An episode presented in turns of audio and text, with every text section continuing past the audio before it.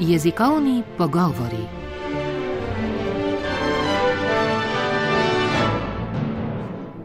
Oddaja o jeziku in jezikoslovju.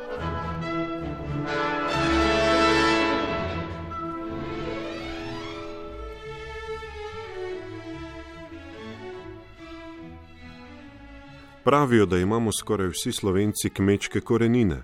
Morda to potrjuje beseda domovina, ki je eno od narečnih poimenovanj za kmetijo. Kmetija se v slovenskih narečjih med drugim imenuje tudi gazdija, povrnija, hauženga, mazalc in kmetija, najpogosteje pa grunt. Kaj vse skriva besedje iz tematskega sklopa Kmetija, ki mu je namenjena druga knjiga slovenskega lingvističnega atlasa, se bomo pogovarjali z izredno profesorico dr. Jožico Škofic, glavno urednico tega monumentalnega jezikoslovnega dela. Dobr dan. Dobr dan. Gospa Škofic, pa začniva kar pri tem poimenovanju za kmetijo. Kmetijo so celo poimenovali domovina. Zanimiva se mi zdi mogoče raba te besede, ko je nekdo lahko rekel, da je kupil novo domovino. Ja, torej tudi eh, nas, dialektologe, ki sodelujemo pri slovenskem lingvističnem atlasu, veliko krat presenetijo narečne besede in njihovi pomeni. Tako je tudi s to domovino v pomenu kmetija. Beseda je bila sicer zapisana samo enkrat in sicer v križovcih, torej v prleškem narečju. Uh, izhaja pa beseda že iz praslovanske besede dom v pomenu dom, tako kot danes. Torej, domovina, domačija je tam, kjer je dom. Tudi kmetija je pravzaprav dom. In iz besede imetje.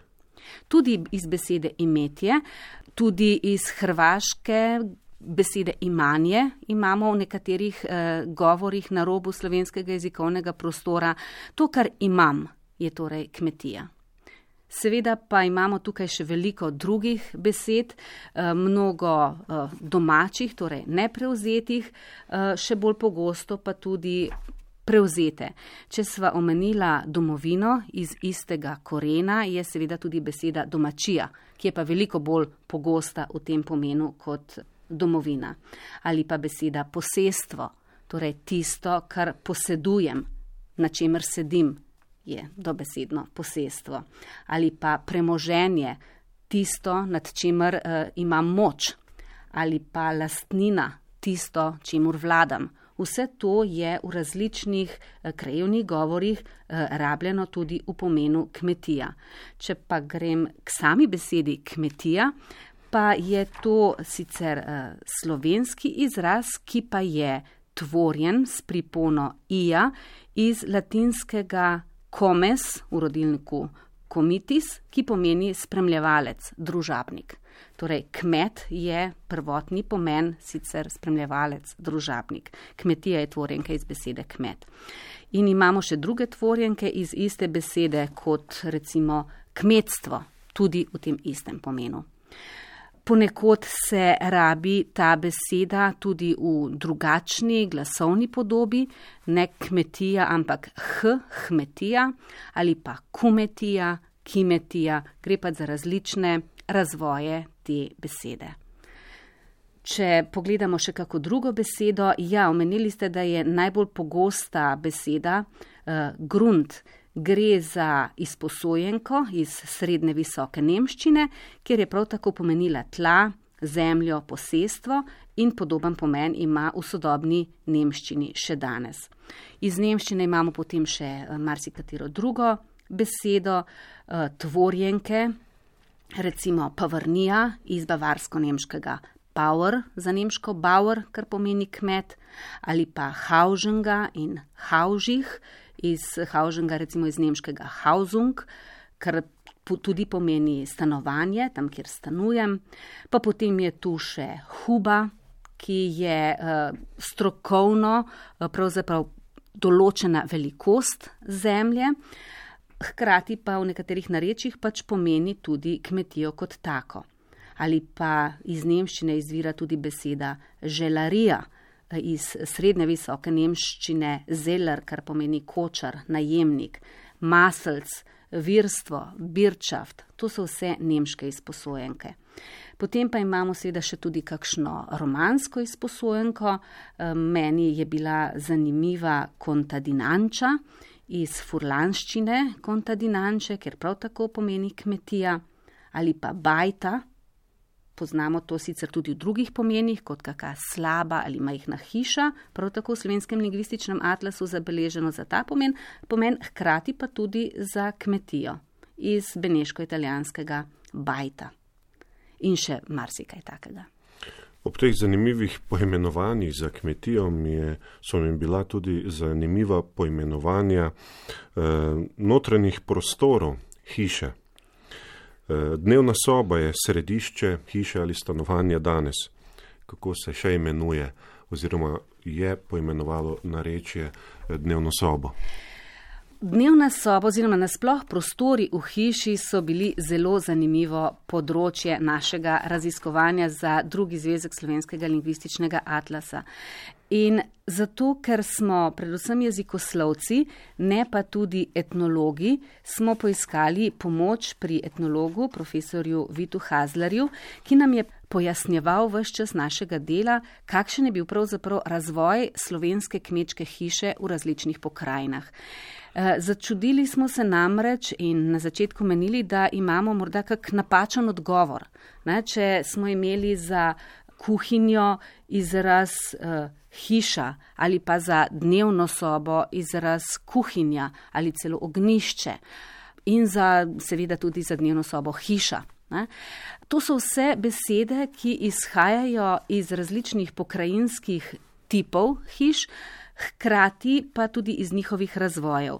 Vemo, da so bile prve hiše enoprostorne, v njih se je kurilo, tam je recimo v kraškem svetu je še vedno osrednji prostor bil prostor z ogniščem in zato se je tudi v tem primorskem svetu marsikje ohranil izraz ognišče za dnevno sobo. Drugje se je pač izraz za ta glavni prostor prenesel s stavbe kot celote. Torej, hiša je tudi ta glavni prostor s pečjo. Potem pa so za dnevno sobo seveda še mnoga druga poimenovanja, tudi spet prevzeta ali pa podedovana še iz uh, starejših slovanskih obdobij. Zanimivo je tudi narečno poimenovanje za žepni nož. Teh poimenovanj je kar 150. Teh poimenovanj je zares ogromno. Slovenski lingvistični atlas 2 torej zajema, kot ste rekli, besedje iz tematskega sklopa kmetija. Ne samo kmetijo kot neko gospodarsko enoto, pač pa tudi stavbe na kmetiji, od bivalnih prostorov do gospodarskih poslopij in seveda tudi opremo, ki jo tu najdemo. In eno osnovnih orodij je seveda tudi nož eh, in ob navadnem kuhinjskem nožu bi rekli danes tudi žepni nož. In teh eh, poimenovanj za žepni nož se je v naših narečjih res nabralo ogromno. Poleg noža in izpeljank iz besede nož kot nožej, nožič, nožičič, nožičel, nožiček, nožička, nožek, nožec, do različnih besednih zvez s to besedo, žepni nož kot najbolj običajen ali pa celo taškini nož, varžetni nož, devžnov nož, žepni nožec, do sodobnega švicarskega nožka. Imamo potem še mnoge izraze. Najbolj pogosto med njimi se rabi britev oziroma britva, tudi britvica, ki je ravno tako bila včasih podobno kot nož za ožep, zložljiva. Ne? Imamo tukaj še seveda tudi uh, furlansko izposojenko britulo, ki je pa spet uh, izposojena oziroma tvorjenka iz slovenske izposojenke Britov. Tako da gredo te izposoje v obe smeri, ne samo iz sosednjih jezikov v slovenščino, ampak tudi iz slovenščine v sosedne jezike. Potem za žepni nož imamo tu še veliko drugih izrazov, recimo iz nemškega fajtel, pipec, imamo fajdel, fajdla, fajdlica, fajdelmasel, tašen fajdel, fajdel cepar in tako naprej. Potem imamo tukaj različne krivce, popkarje, pipce, kosirje, klepce, različne mesarje iz nemškega, mesar, eh, kljukce, klinke In še in še. Skratka, okrog 150 različnih besed, ki smo jim v Slovenskem lingvističnem atlasu 2 poskušali najti izvor. Iskali smo seveda tako nepreuzete besede in tvorjenke iz njih, kot tudi vse preuzete besede. In priznati moramo, da pa mnogim, tudi za žepni nož, nismo mogli pojasniti niti uh, izvora, niti motivacije poimenovanja. Koliko pa sicer narečna poimenovanja izhajajo iz konkretne rabe predmetov, koliko so besede blizu realnosti in s tem prvotni rabi jezika, ki se je morda s prevzemanjem besed izgubila, koliko tovrstnih besed ste našli? Ja, z besedami je vedno tako, da živijo, dokler so v uporabi predmeti, ki jih te besede poimenujejo.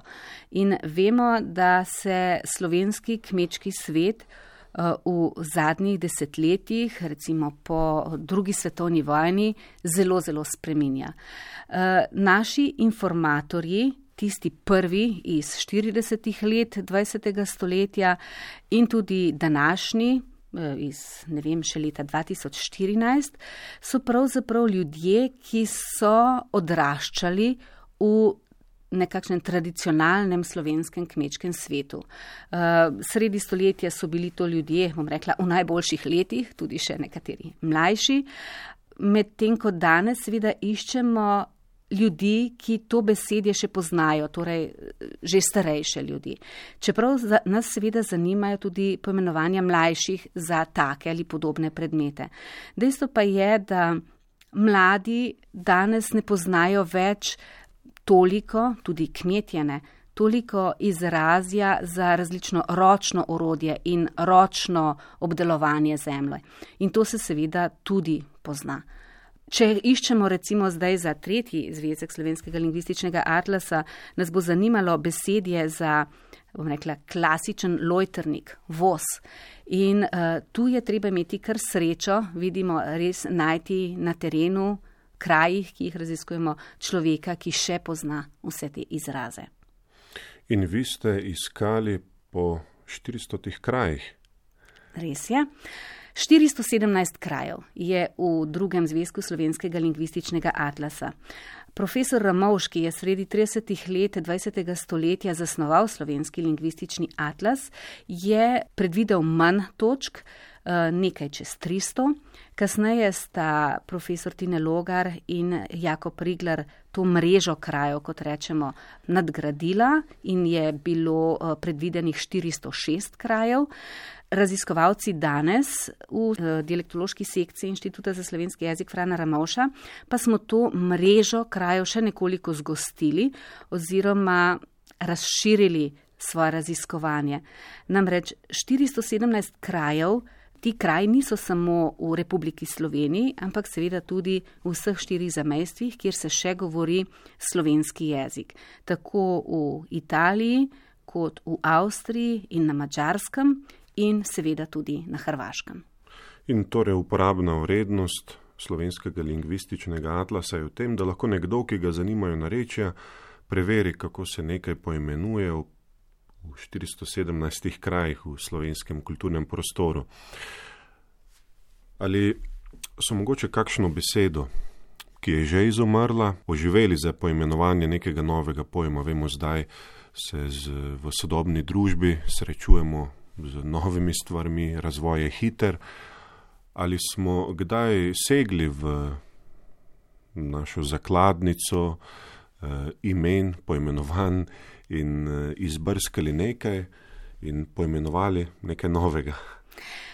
Ja, tako je. Torej, knjižni jezik eh, ima osnovo, seveda, v živem govorjenem jeziku. Eh, česar v knjižnem jeziku ni, si ljudje izmislijo ali pa bolje rekla, tvorijo nove besede. Seveda ne tvorijo novih besed samo jezikoslovci. Nikakor ne. Nove besede tvorijo ljudje v vsakdanjem življenju, strokovnjaki za pot svoje potrebe. E, kako bomo imeli podedovane besede za vso e, računalniško terminologijo? Pač pa te besede tvorimo iz besed, ki jih že poznamo. Uh, lahko gre za tvorjenke, kot ne vem, računati računalnik. Uh, lahko pa gre tudi za metaforične uh, prenose. Uh, miška, ki je še v slovens, slovarju slovenskega knjižnega jezika imela samo pomena uh, te drobne živalce ali pa ljubkovalno eh, za lepo dekle ali pa za posebno vrsto peciva, nam danes, kot vemo, pomeni še kaj drugega v računalništvu. Tako da so ti prenosi vedno. Seveda pa jezikoslovci svojim znanjem, jezikoslovnim znanjem, lahko pomagajo pri tem. In na Inštitutu za slovenski jezik Frana Ramovša deluje eh, terminološka sekcija, kjer naši kolegi eh, skupaj s strokovnjaki različnih področji eh, iščejo ustrezna poimenovanja za različne stroke in, in določajo pomene eh, in jih potem predstavijo v različnih tematskih slovarjih. In seveda so lahko tudi narečja tak izvor poimenovan. Težko bi zdaj našla kakšen primer za novejšo terminologijo, vendar tudi že v času nastajanja skupnega slovenskega knjižnega jezika uh, za vse slovenski kulturni prostor sredi 19. stoletja, uh, so jezikoslovci iskali besede, za katere smo v srednje slovenskem knjižnem jeziku imeli samo prevzete besede. Uh, in so iskali neprevzete, podedovane, torej slovenske besede v narečjih in so jih seveda tudi našli. Eh, verjetno se ne zavedamo, recimo, da je beseda fantek ne, za otroka moškega spola pravzaprav prevzeta beseda iz uh, italijanskega infant, kar, infant, kar ne bi pomenilo, ker pomeni otrok. Ne? In pripona ek je torej otrok moškega spola, fantak. Vendar še vedno je to prevzeta beseda in uh, iskali so domačo besedo eh, iz mogoče malo purističnih razlogov in našli v prekmurskem narečju besedo deček, ne, ki pa je podedovana beseda in ima isti koren kot det, torej detček, deček, majhen det, majhen moški. Ali pa ne vem, še kakšna beseda iz kakega drugega tematskega sklopa, recimo beseda blagoslov. Tudi te besede nismo imeli v srednjem slovenskem knjižnem jeziku. Eh, poznali smo žegen, to besedo v srednjih narečjih seveda tudi še uporabljamo v tem pomenu. V prekmurskem narečju pa se je rabila in se seveda še vedno rabi beseda blagoslov v istem pomenu in ta beseda je bila potem sprejeta v knjižni jezik. Gospa Jožica Škofic, lingvistični atlas je monumentalno jezikoslovno delo. Slovenci smo z njim vstopili v oze krok narodov, ki imajo pojmovno geografski popis na reči. Pravzaprav smo med prvimi južnoslovanskimi narodi, ki imajo to vrstno delo. Res je, smo prvi med južnoslovanskimi jeziki, ki imamo slovenski lingvistični atlas. Drugi slovanski jeziki take atlase že imajo. Vendar pa je tudi res, da smo slovenci v to stroko, geolingvistiko, lingvistično geografijo, stopili pravzaprav že zelo zgodaj. Namreč ta stroka, ta veda se je začela razvijati konec 19. stoletja. Nemci in francozi so bili prvi, ki so v začetku 20. stoletja dobili lingvistične atlase svojih jezikov. In v tem prav prvem Venkarjevem lingvističnem atlasu nemškega jezika so zajeti tudi že nekateri slovenski krajevni govori na Koroškem, ki so bili takrat del nemške države. Dobili pa smo sredi 20. let 20. stoletja tudi že atlas dvojine v slovenskih narečjih uh, Luciana Tenjerja, francoskega jezikoslovca, ki je slovencem pripravil tak jezikovni atlas. Vendar uh, atlas te širine pomeni nacionalni atlas, ki zajema vse jezikovne ravnine, torej besedno, glasoslovno, oblikoslovno, skladne nekoliko manj, pa je to seveda prvi slovenski lingvistični atlas. Gospa Jožica Škofic, želim vam uspešno delo in se vam zahvaljujem za pogovor. Me je veselilo in upam, da še kdaj. Izhodišče za tokratne jezikovne pogovore je bila druga knjiga slovenskega lingvističnega atlasa, ki pokriva besedje iz tematskega sklopa kmetija. Gost je bila glavna urednica, izredna profesorica dr.